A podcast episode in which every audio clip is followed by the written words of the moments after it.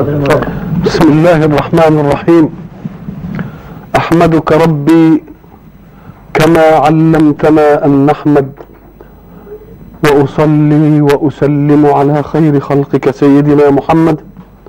وبعد فقد انتهينا في اللقاء السابق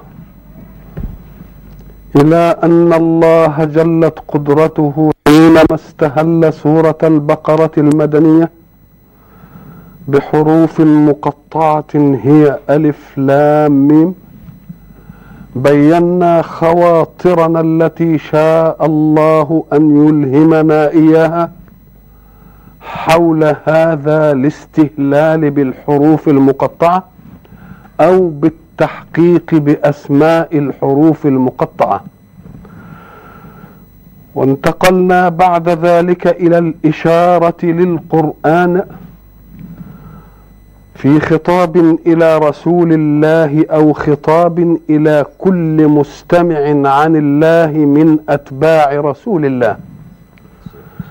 وقلنا مزية البعد في قوله ذلك لأن ذلك يدل على سمو مكانة الكتاب سموا بعيدا عن مدارك البشر. وقلنا إن كلمة الكتاب في ذاتها تدل على أن المكتوب أمر عني به عناية تحفظه وعناية تسجله حتى لا يضيع ولا يحرص على تسجيل شيء إلا إذا كان نفيسا. كذلك كان الشأن في عرف كتب البشر. فما بالك بكتاب يتكلم فيه الله؟ ولذلك قلنا إن ذلك الكتاب معناه أنه الذي يجب أن يطلق عليه بحق الكتاب.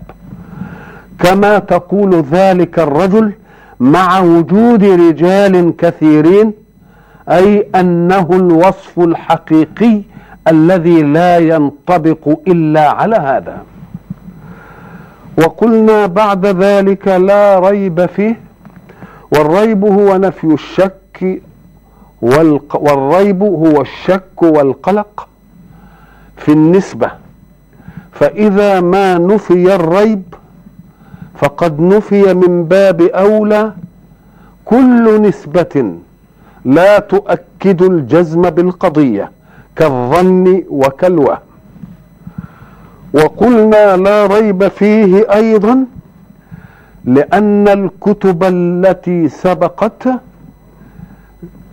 تناولها شيء من التحريف شككنا فيها لذلك كان ولا بد أن يجيء كتاب يهيمن على هذه الكتب يصوب لها.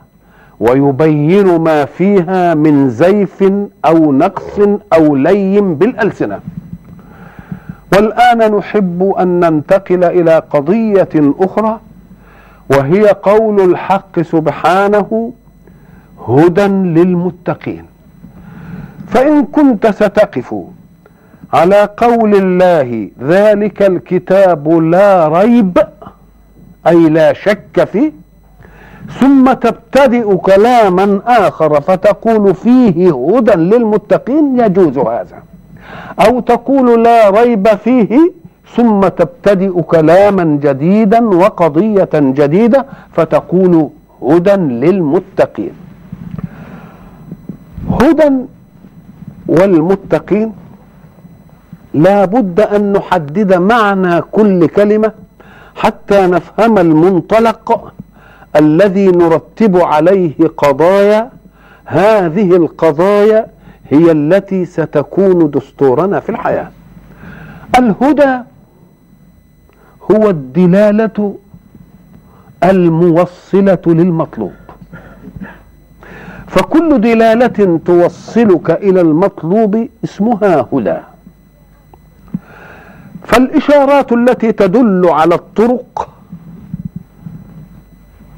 هدى. والمشير عليك بسلوك طريق مخصوص هدى. والذي يبين لك المنهج الموصل لأي شيء هدى. إذا فالهدى يتطلب هاديا ويتطلب مهديا. وهدى إلى ماذا؟ لا بد أن تكون هناك غاية منصوبة حتى نحقق الدلالة لها. فإن لم تكن هناك غاية منصوبة فلا معنى لوجود الدلالة على الموصلة. إذا معنى الدلالة الموصلة إلى المطلوب يبقى لا بد أن نحقق المطلوب أولا. ثم نبحث فيما يوصلنا إلى المطلوب. إذا فلا هداية إلا بعد معرفة مطلوب. من الذي يحدد المطلوب؟ ومن الذي يحدد الدلالة إلى المطلوب؟ إذا ما أردنا أن نعرف ذلك في لغة البشر ومنطق واقعهم في الحياة أن الذي يحدد المطلوب هو من وثقت بحكمته في أن يحدد لك مطلوبا. والذي يحدد الدلالة الموصلة إلى المطلوب لا بد أن يكون له من العلم ومن الخبرة ومن الحكمة ما يدلك على الوصول إلى المطلوب بأقل مجهود في أقل زمن. إذا ما نظرنا إلى الناس في أوضاعهم وجدناهم يحددون مطلوبات. ووجدناهم يحددون دلالات توصل إلى هذه المطلوبات. فمثلا إنسان مطلوبه أن يبني قصرا هذا هو المطلوب. هذا المطلوب من وضع البشر. لا يمكن أن يستوفي كل أمور الكمال. لماذا؟ لأن الذي فكر في وضع ذلك المطلوب بشر قاصر والدليل على ذلك أنه يطلب من المهندس أن يرسم له القصر. ثم يأتي غدا ليقول له أرجو أن تعدل ذلك.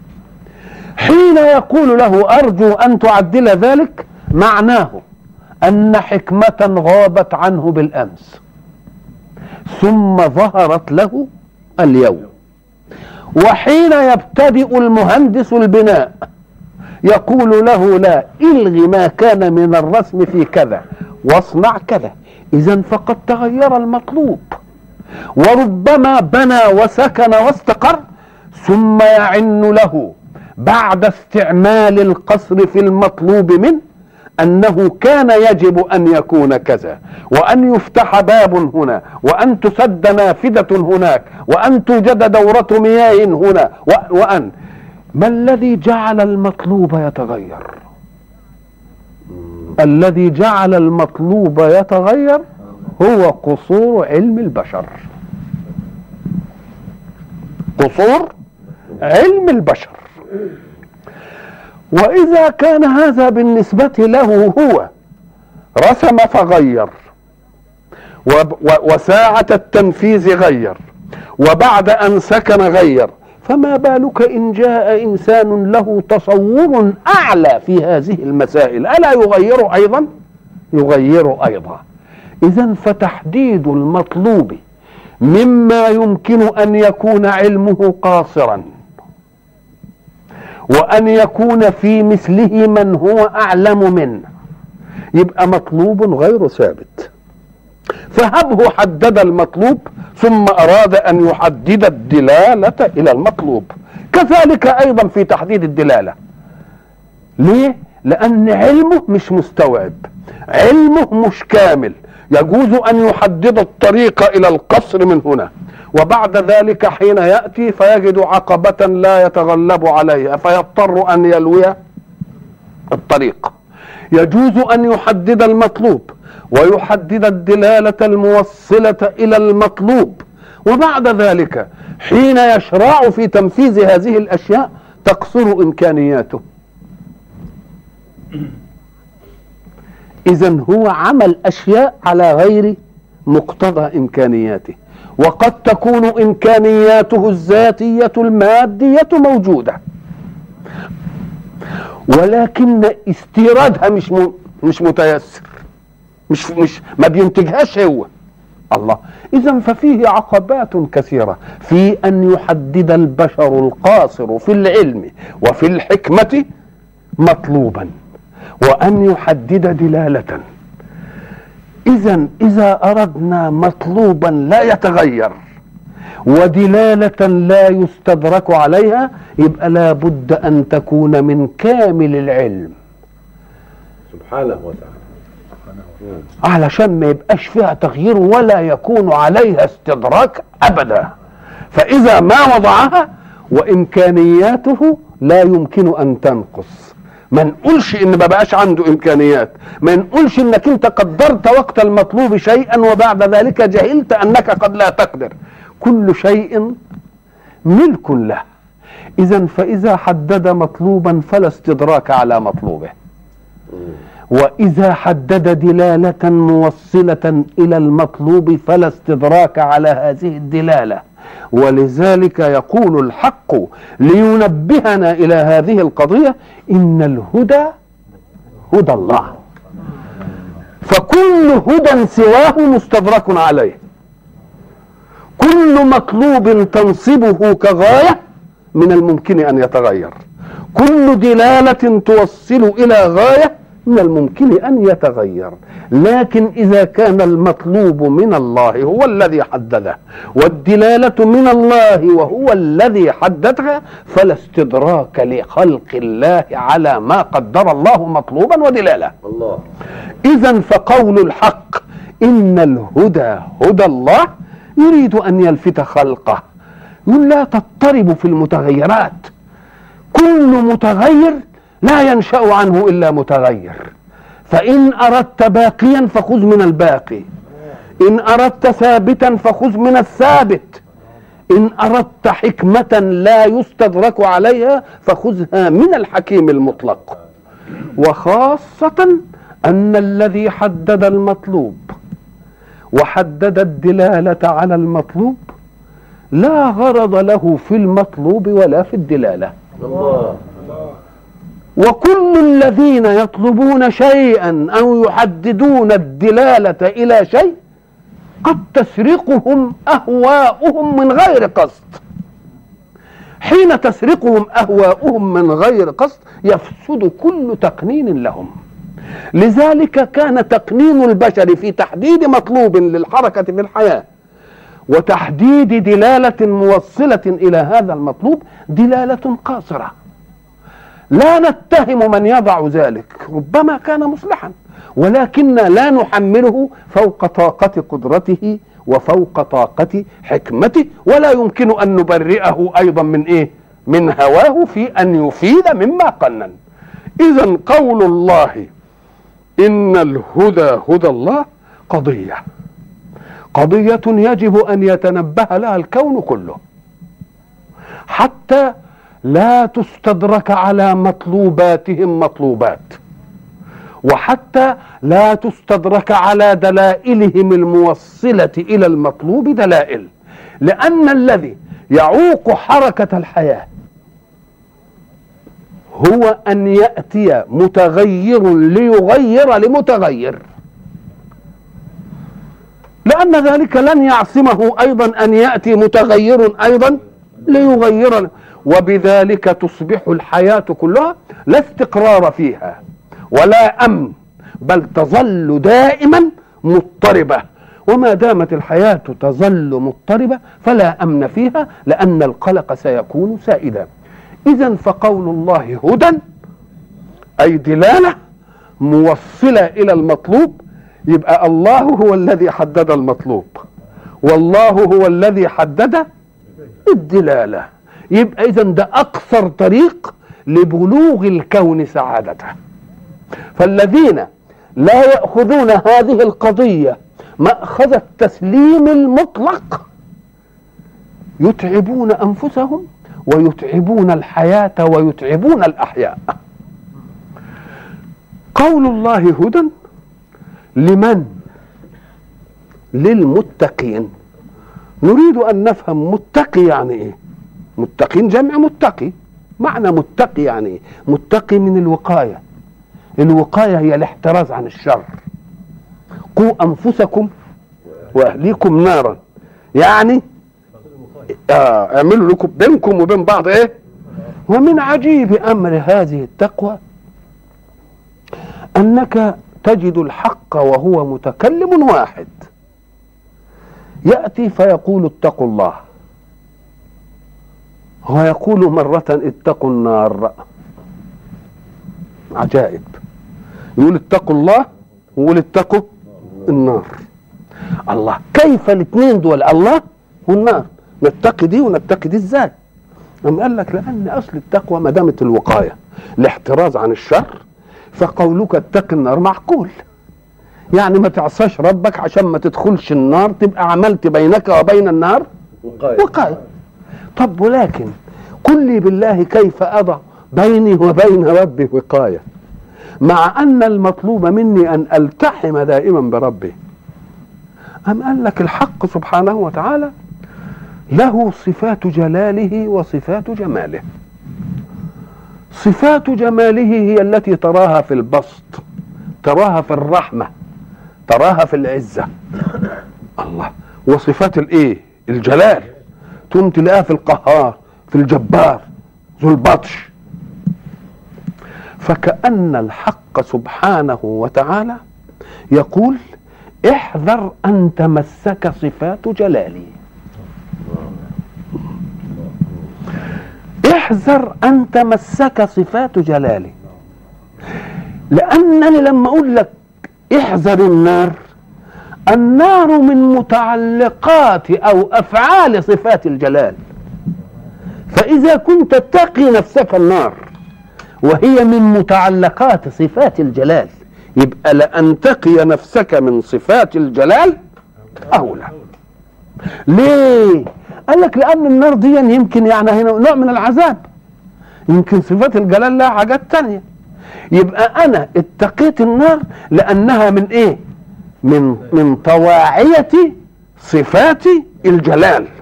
فكأن الله حينما يقول لك اتق النار لا يتناقض مع قوله اتق الله. أبدا. اتق الله اجعل بينك وبين غضبه وقاية. لأن غضبه سيؤدي بك إلى النار اللي أنت عايز تتقي منها. تبقى هي المعنى هو واحد. يبقى الم... نعم. يبقى الغاية واحدة. يبقى اتقوا الله زي إيه؟ زي اتقوا اتقوا النار. ولذلك يتجلى هذا حينما يقوله يقول صلى الله عليه وسلم إذا كان آخر ليلة من من رمضان تجلى الجبار بالمغفرة. كان المنطق يقال إيه؟ كان الم... تجلى الرحمن بالمغفرة. هو ربنا ملوش إلا صفة الرحمن. ده له صفة القهار وصفة الجبار وصفات تانية.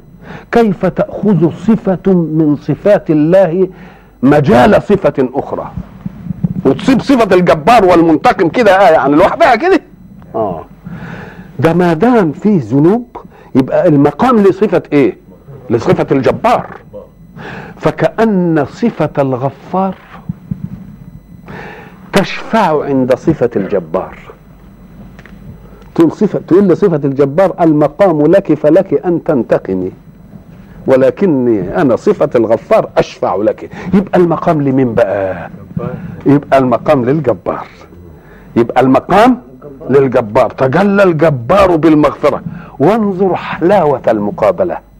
حينما يتجلى الجبار بجبروته بالمغفرة. شوف العظمة بقى. ساعة ما تيجي كلمة جبار دي تخوف. وبعدين تيجي مغفرة؟ الله. أهي دي تديك حكاية اللي كنا بنقول عليها زمان. فمن زحزح عن النار وأدخل الجنة فقد فاز. ساعة ما تشوف تسمع كلمة الجبار دي تنخلع. وبعد ذلك يقول بالم إيه؟ تجلى الجبار بالمغفرة فكأن صفة لم تسلب مجال صفة. وكل صفة من صفات الله واخدة مجالها. يبقى المقام لمين؟ المقام للجبار. تيجي مثلا ولله المثل الأعلى. افرض إن واحد موظف أساء. وبعدين فيه رئيس من الرؤساء اللي دون الأعلى بيحب الموظف ده. ورئيس تاني الموظف هذا أساء عنده. فالموظف الآخر لما يروح يشفع يبقى سرق سرق إيه؟ سرق اختصاص ألو... المو... ال... ال... الرئيس اللي عايز يعاقب. ماذا يكون الموقف بعد ذلك؟ لما يجي الرئيس المحب للموظف الصغير ويسلب اختصاص الرئيس الذي عاقب عند الرئيس الأعلى إيه الموقف يكون؟ لكن بقى شوف بقى الرئيس المحب يروح للرئيس المعاقب يقول له عشان خاطري. انت المقام لك وانت اللي تتصرف. ما انت مش فانت ادخل للرئيس الأعلى كده و... فحين يدخل طالب العقوبة يقال تجلى طالب العقوبة بالعفو.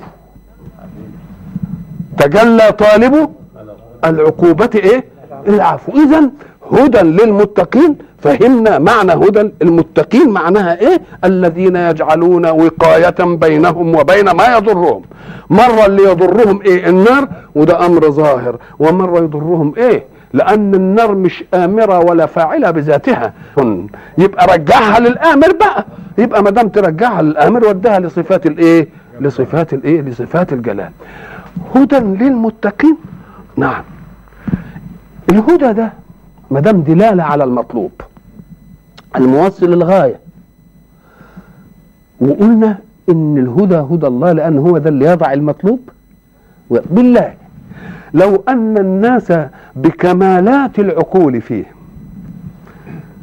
وبتصعيد رشدهم في العبقريين حبوا يعملوا غاية للإنسان يسعد بعدها كده ولا يجيلوش شقاء ولا متاعب. ويقعدوا يتخيلوا يعملوا له جنة كده. يعني حاجة كده يقعدوا فيها. أيقول بخاطرهم أن يطعموه ولا يجعلوه يفرز شيئا؟ والله ما تيجي على البال دي. تيجي. يغ- إزاي تيجي ما تجيش على البال مش ما يقدروش. اذا فلو أنهم حددوا المطلوب لقصروا بالنسبة للطالب نفسه. فكون الله هو الذي حدد المطلوب يبقى ده إيه؟ دي قمة النعمة. ما تركش لنا إحنا نحدد مطلوبات.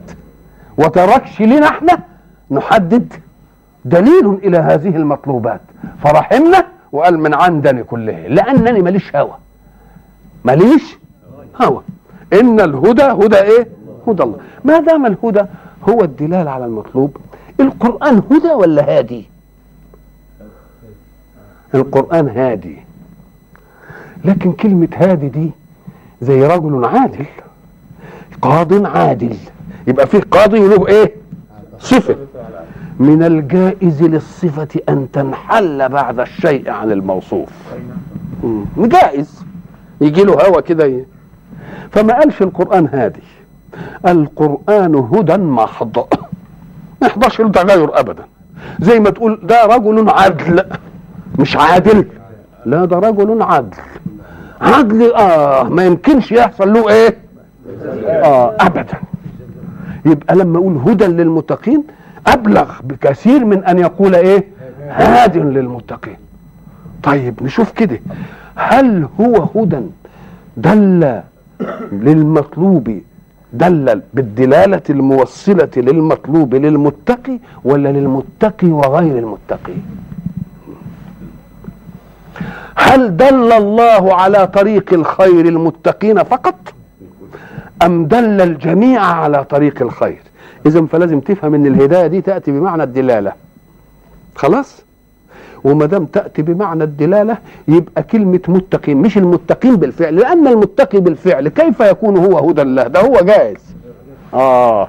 يعني يا من أردت الاتقاء القرآن فيه الإيه؟ الهدى بتاعك. طب واللي ما أردش الاتقاء؟ وساب نفسه كده. برضه القرآن هيبقى هدى له. يعني إيه؟ هو الدلالة منصوبة ما قالش لمين؟ للجميع.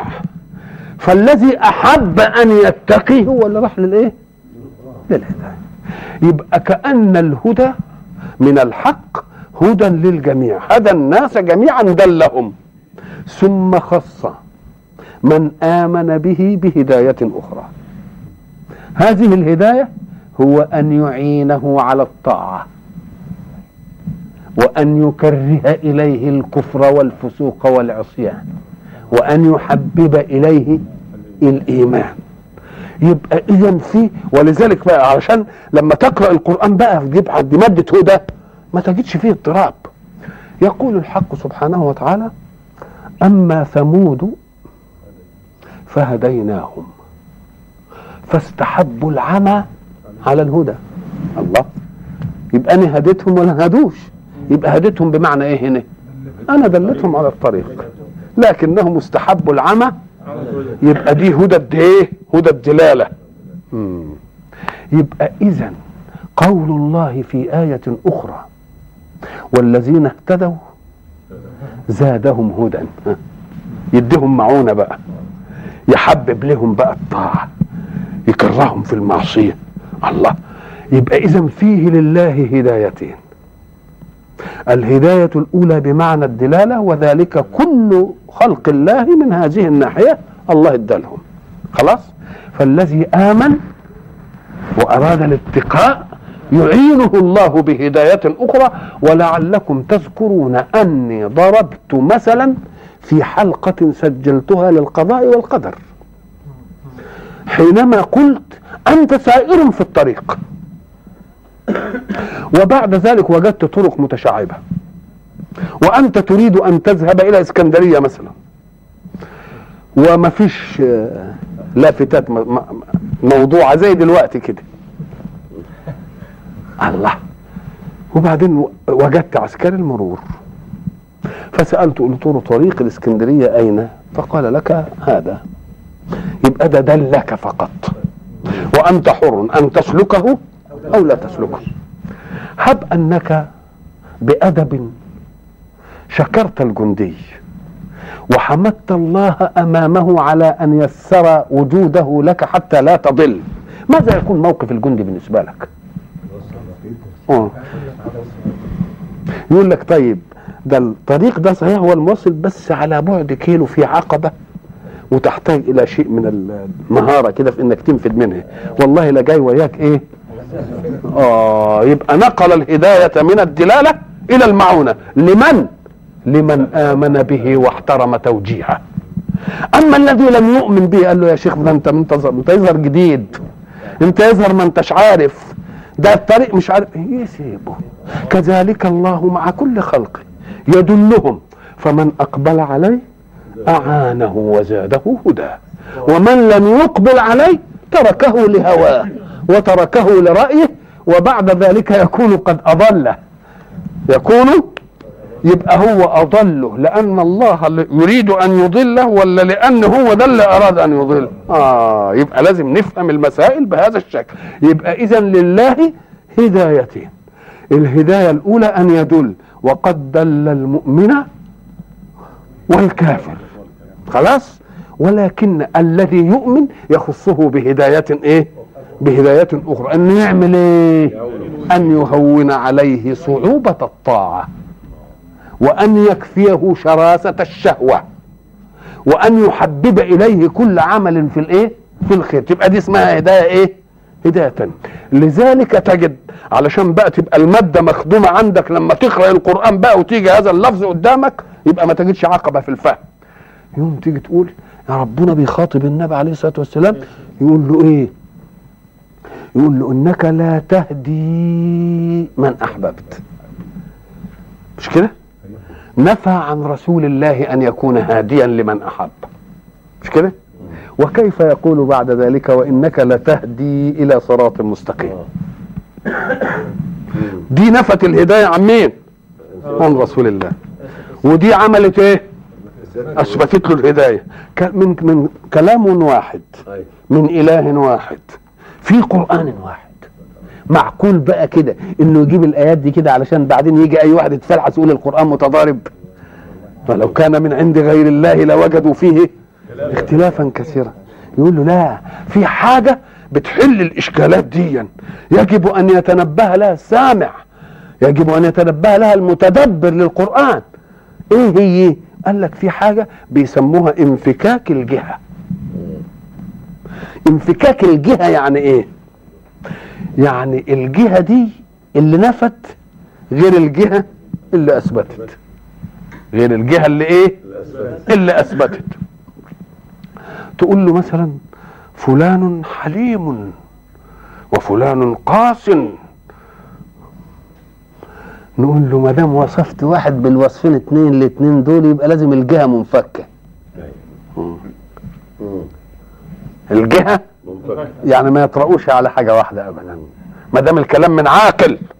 يبقى مش ممكن يكونوا على إيه؟ على جهة واحدة ابدا. ربنا لما قال لرسوله عليه الصلاة والسلام في غزوة بدر الرسول أخذ حفنة من الحصى ثم رماها فأصابت الجيش.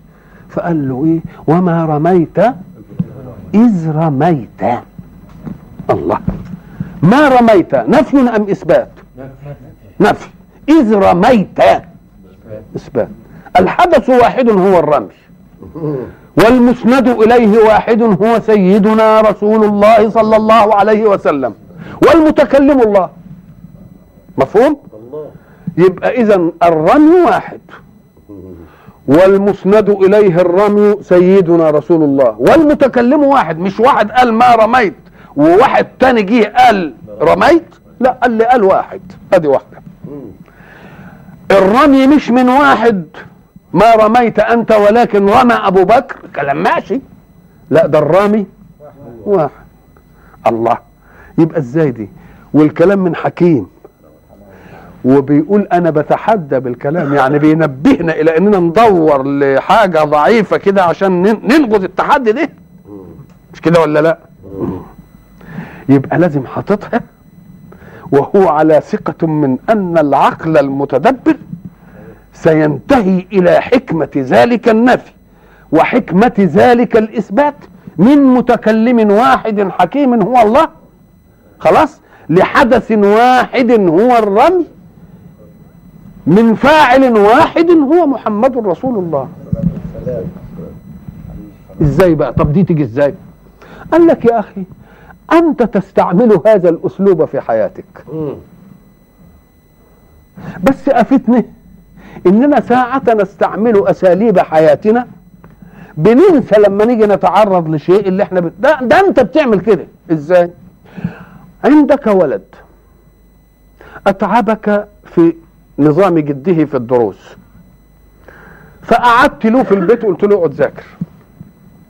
فالولد خد الكتاب وقعد في المكتب وانت قعدت في الصالة قباله كده وفتح الكتاب وظل يقلب صفحاته ويهتز ويحرك شفتيه. فأنت قلت الولد إيه؟ يذاكر بعد ذلك بساعة قلت له هيا تعال لأختبر ما ما ذاكرت فتسأله فلا تجد حصيلة. تقول له ذاكرت وما ذاكرت. ذاكرت وما ذاكرت. ذاكرت يعني إيه؟ يعني فعلت الشكلية للمذاكرة. إنما موضوع المذاكرة اللي هو الاستيعاب والتحصيل ولا انتهن أهو كذلك. قال له أما أنت يا رسولي فقد رميت صحيح. جبت شوية حصى بإيدك كده ورميتهم. دي شيء ما فيش كلام. إنما هل قدرتك توصل حفنة الحصى إلى كل الجيش؟ دي مش شغلتك بقى؟ الله. ما هي شغلتك أنت دي؟ فكأنه قال له أنت رميت يعني فعلت شكلية الرمي. مش كده؟ لكن أنا اللي رميت. ليه؟ لأن إيصال حفنة الحصى للجيش كله ما هي شغلتك دي ما تجيش منك انت. انما انت رميت رميت. عملت اللي عليك صحيح. وما رميت إذ رميت. يبقى اذا ولكن أكثر الناس لا يعلمون. يعلمون ظاهرا من الحياة. فنفى إيه؟ يبقى الجهة منفكة. يبقى أمال لا يعلمون إيه؟ يبقى لا يعلمون حقيقة الحياة. وإن علموا ظاهر الإيه؟ حياة. فإذا رأيت فعلا أي حدثا قد نفي عن واحد وأثبت له فاعلم أن الجهة منفكة. الجهة منفكة. لما يجي بقى يقول له إيه نرجع إلى موضوعنا في الهدى. هدى إنك لا تهدي من أحببت. يبقى نفى عنه الهدى.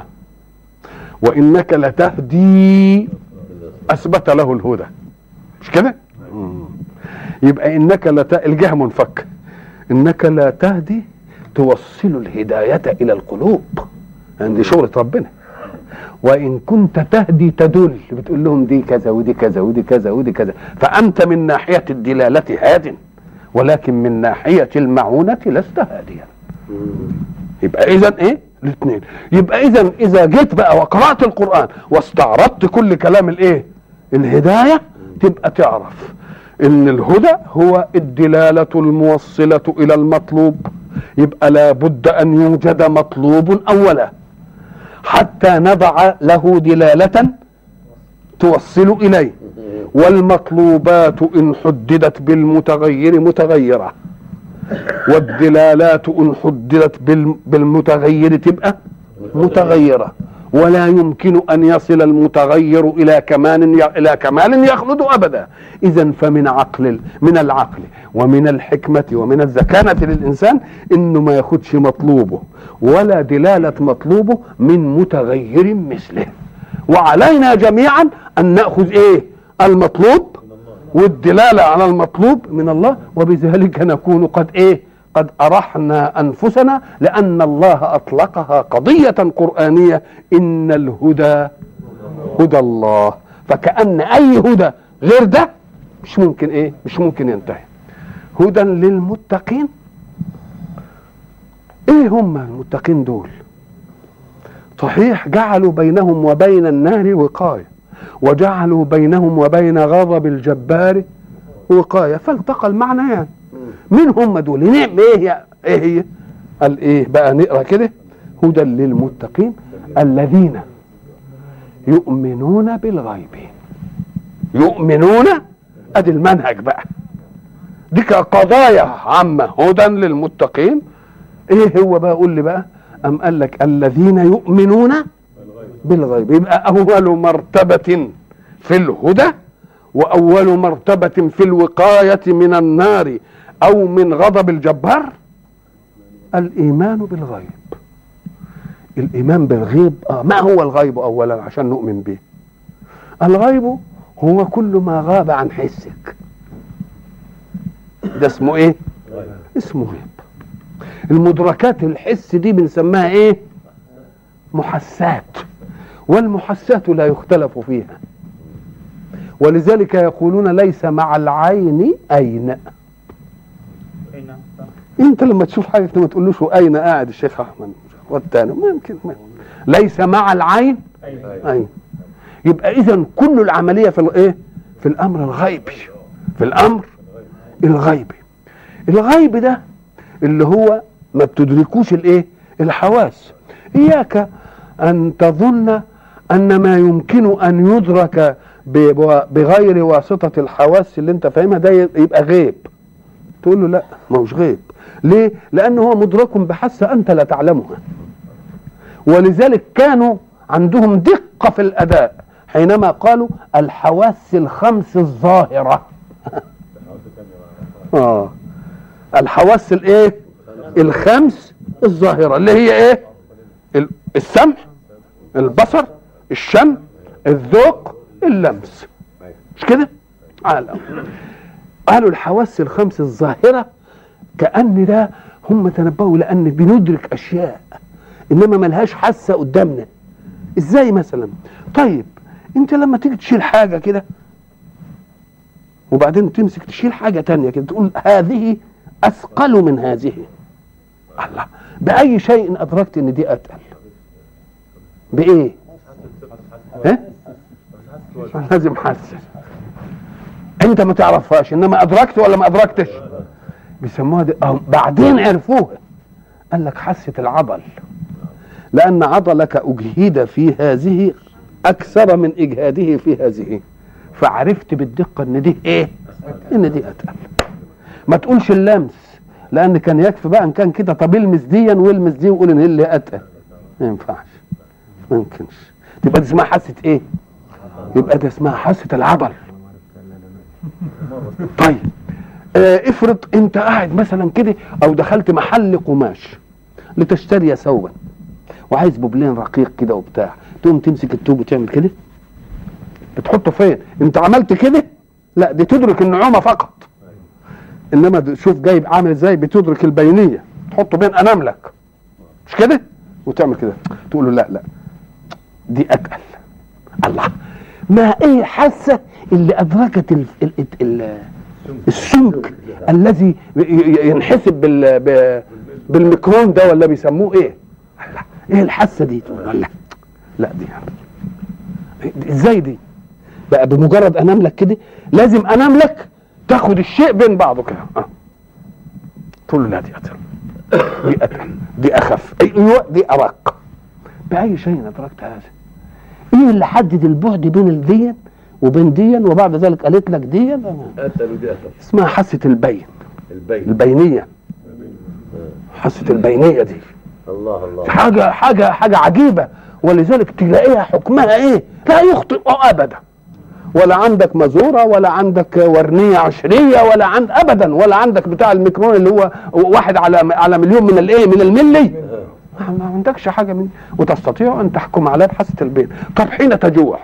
بأي شيء أدركت أنك جوعان. أحسست أنك جوعان ولا لا؟ طيب بأي شيء أدركت أنك جوعان؟ إذا برضه فيه إيه؟ أداة من أدوات الإدراك. بس أنت مش عارفها. وعطشت. مش كده؟ الله بأي شيء أحسست أنك عطشان. وقد يأتي الحس ليوقظك من النوم. عطشت تلتفت تلاقيك قايم و... الله.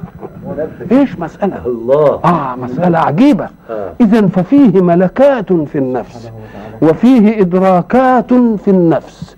هذه الإدراكات لا يعلمها إلا خالقها. ولذلك حينما يأتي البشر عشان يقننوا للنفس ويعملوا ماذا أدركتم من ملكات النفس؟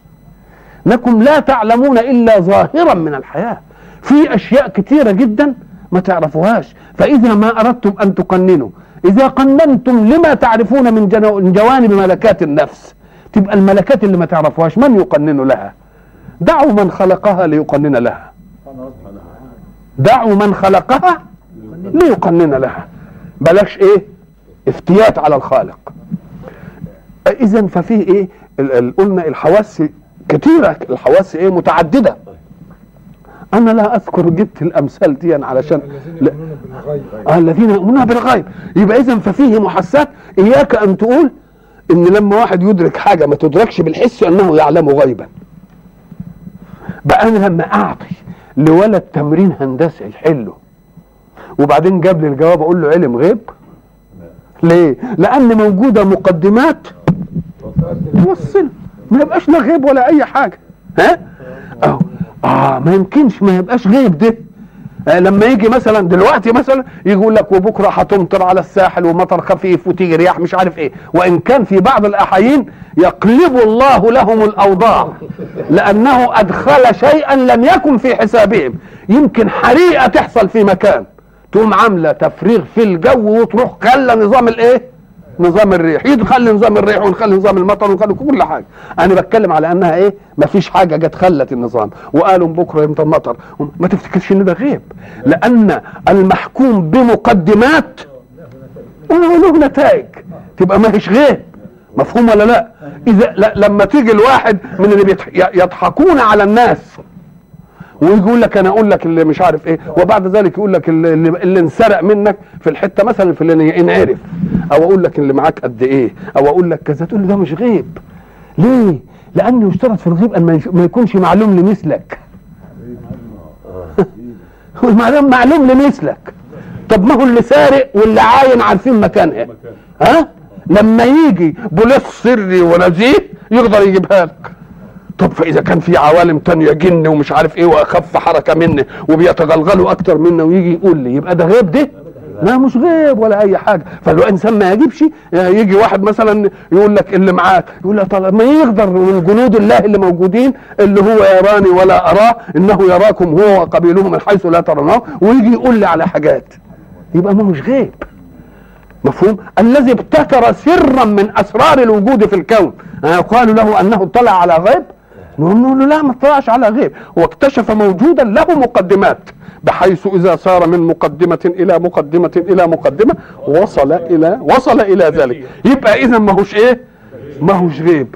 أسأل الله سبحانه وتعالى أن يعلمنا عنه وأسأله أن يديم علينا نعمة الإيمان به والاستمداد منه وإلى لقاء آخر إن شاء الله.